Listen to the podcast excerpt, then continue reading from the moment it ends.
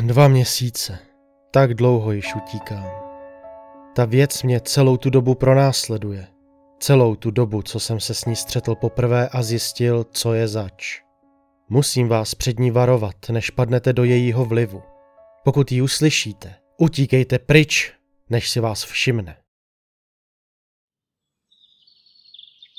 27. září 2008 9 hodin 15 minut Jmenuji se Gervald Mins, byl jsem náčelníkem Ravenwoodského policejního oddělení. Tu práci jsem miloval a zároveň i respekt, který budila. Městečko Ravenwood bylo klidné, okolo tisícovky obyvatel s velmi nízkou kriminalitou, zda to tak lze vůbec nazvat. Nejhorší přečin za poslední roky byl jeden puberták, co posprejoval zeď kostela. V tom městě, pokud se něco stalo ve východní čtvrti, druhého dne o tom věděli v té západní. Drby se tam šířily rychle. Takže když pár lidí začalo mluvit o něčem jako velkém ptáku nebo obřím stínu na obloze za soumraku, dostalo se to k mým uším celkem i hned. Skoro všechny místní pak ten stín trochu děsil. Snad jen kromě těch, kteří chodívali do okolních lesů lovit. Poprvé jsem o tom zaslechl od jedné staré paní, kterou jsem navštěvoval skoro každý den. Zrovna jsem tehdy ráno projížděl kolem. Ona se vybavovala na chodníku před svým domem se sousedkou a když mě spatřila, mávla, abych zastavil. Zeptala se, jestli něco vím o tom, co tu létá po okolí. Překvapeně jsem jí musel odpovědět, že nevím, o čem to mluví a ona mi to celé odvyprávěla. Když předešlého večera venčila svého psa poblíž lesů, zahlédla nedaleko na zemi stín. Pohlédla tedy vzhůru a spatřila cosi velkého, většího než obyčejného ptáka. Určitě to prý mělo přes dva metry a rozpětí křídel rovnou deset. S úsměvem jsem jí naslouchal. Věděl jsem, že přehání. Už to neměla v hlavě moc v pořádku a různé věci viděla už dříve. Ujistil se mi, že to musel být nějaký stěhovavý pták, který zde běžně nežije. Byl podzim, mnoho nám neznámých druhů tou dobou tudy migrovalo. Ještě dalších pár minut jsme si povídali, než mi druhý strážník zavolal vysílačkou. Zrovna byl na obchůzce na severu u lesů a požadoval, abych za ním přijel a že mi to nejlépe vysvětlí, až dorazím. Rozloučil jsem se s tou starou dámou, nasedl do auta a vyrazil.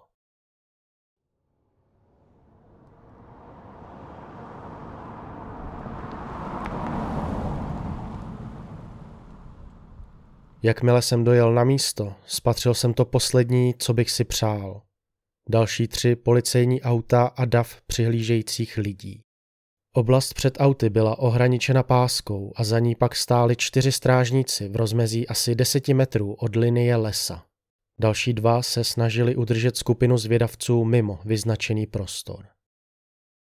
Ten policista, co mě volal, vyrazil mým směrem. Zvedl pásku, abych prošel a ukázal mi kam dál.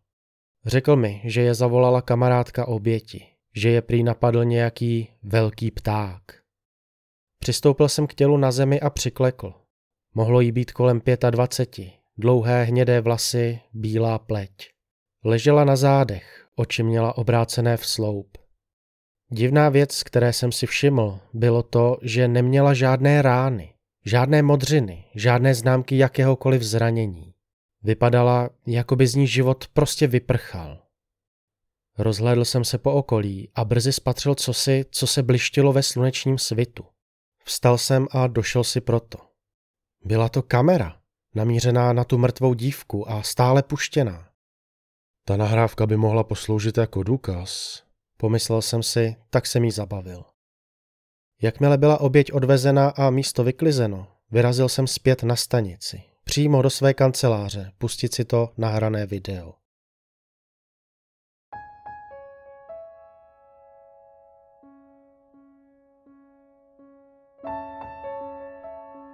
Sedma 27. září 2008, 14 hodin 45 minut. Byla to obyčejná nahrávka obyčejných lidí, časově někdy z noci před rozbřeskem. Ty dívky si spolu povídali. Smáli se a vyprávěli o tom koncertě, ze kterého se právě vraceli domů. Šli v těch místech u lesa, když se jedna z nich zarazila. V tu chvíli začal obraz místy zrnět.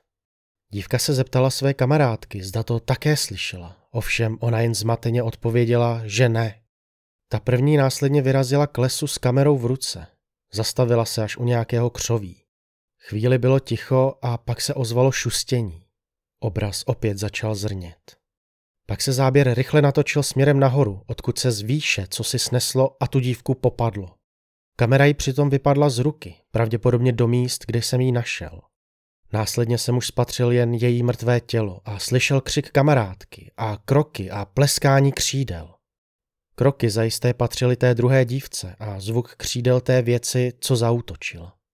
Pozastavil jsem video a přemýšlel. Ta stará žena z rána mi vyprávěla o nějakém velkém cosi ptákovi podobnému, ale žádný pták přece nemá rozpětí křídel 10 metrů. Musel jsem si zjistit více informací. Znovu jsem pustil záznam a zkusil se lépe podívat na tu rozmazanou šmouhu, která útočila. Opakovaně jsem záběry zkoumal, až jsem si všiml dvou rudých teček. Bylo je možné spatřit vícekrát a já usoudil, že to byly oči té věci. To mě rozrušilo. Červené oči na rozmazané černé siluetě. To znělo jak z nějakého hororového filmu. Když jsem se na večer balil a odcházel domů, stále mi to vrtalo hlavou. Stále jsem se snažil přijít na to, co by to mohlo být. Ale nic mě nenapadalo, tak jsem se rozhodl se na to vyspat do druhého dne. Bylo toho najednou moc. S výdechem jsem si protáhl krk a odešel.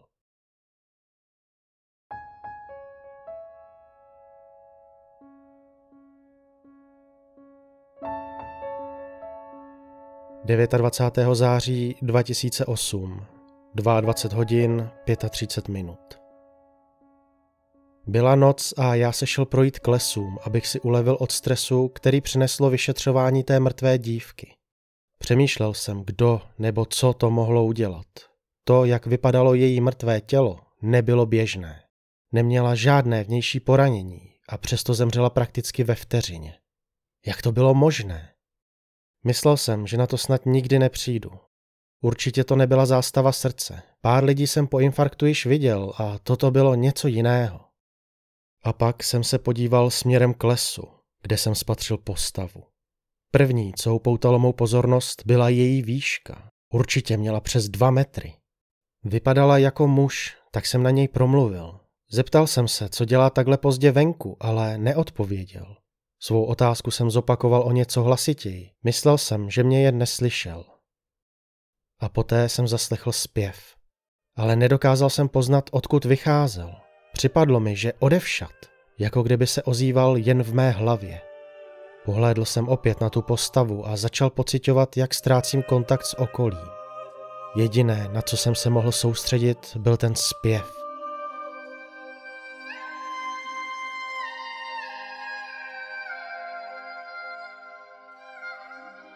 Byl překrásný, Zněl jako tisíce hlasů v perfektní harmonii.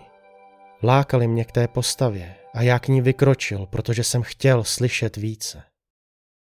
Když jsem se přiblížil, všiml jsem si, že ta věc měla na zádech složená křídla. Okamžitě jsem vypadl z tranzu, zorničky se mi rozšířily a já udělal krok zpět. Zpěv ustal a ta věc se pohla. Vypadalo to, že se zhluboka nadechla. Pouze pár vteřin na to jsem zaslechl extrémně hlasité pištění, které mě skoro připravilo o vědomí. Bylo to ohlušující. Nedokázal jsem skoro stát na nohou. Zrak se mi rozostřil, ale i přesto jsem byl schopen vidět, jak ta postava vyrazila mým směrem. Byl to muž, mladý muž, okolo 20 let, černé vlasy, kompletně černé oblečení, rudé oči a opravdu na zádech černá křídla. Myslel jsem, že omdlím, když v tom jsem uslyšel výkřik a ta postava se otočila. Kůra ze stromu za ní se rozlétla. Uvědomil jsem si, že kromě výkřiku vyšel i výstřel.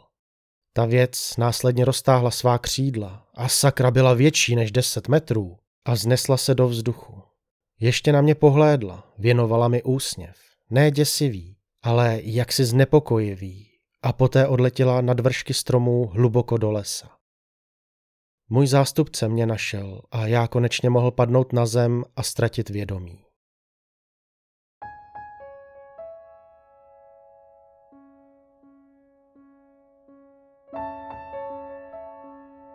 14. října 2008, 12 hodin 25 minut.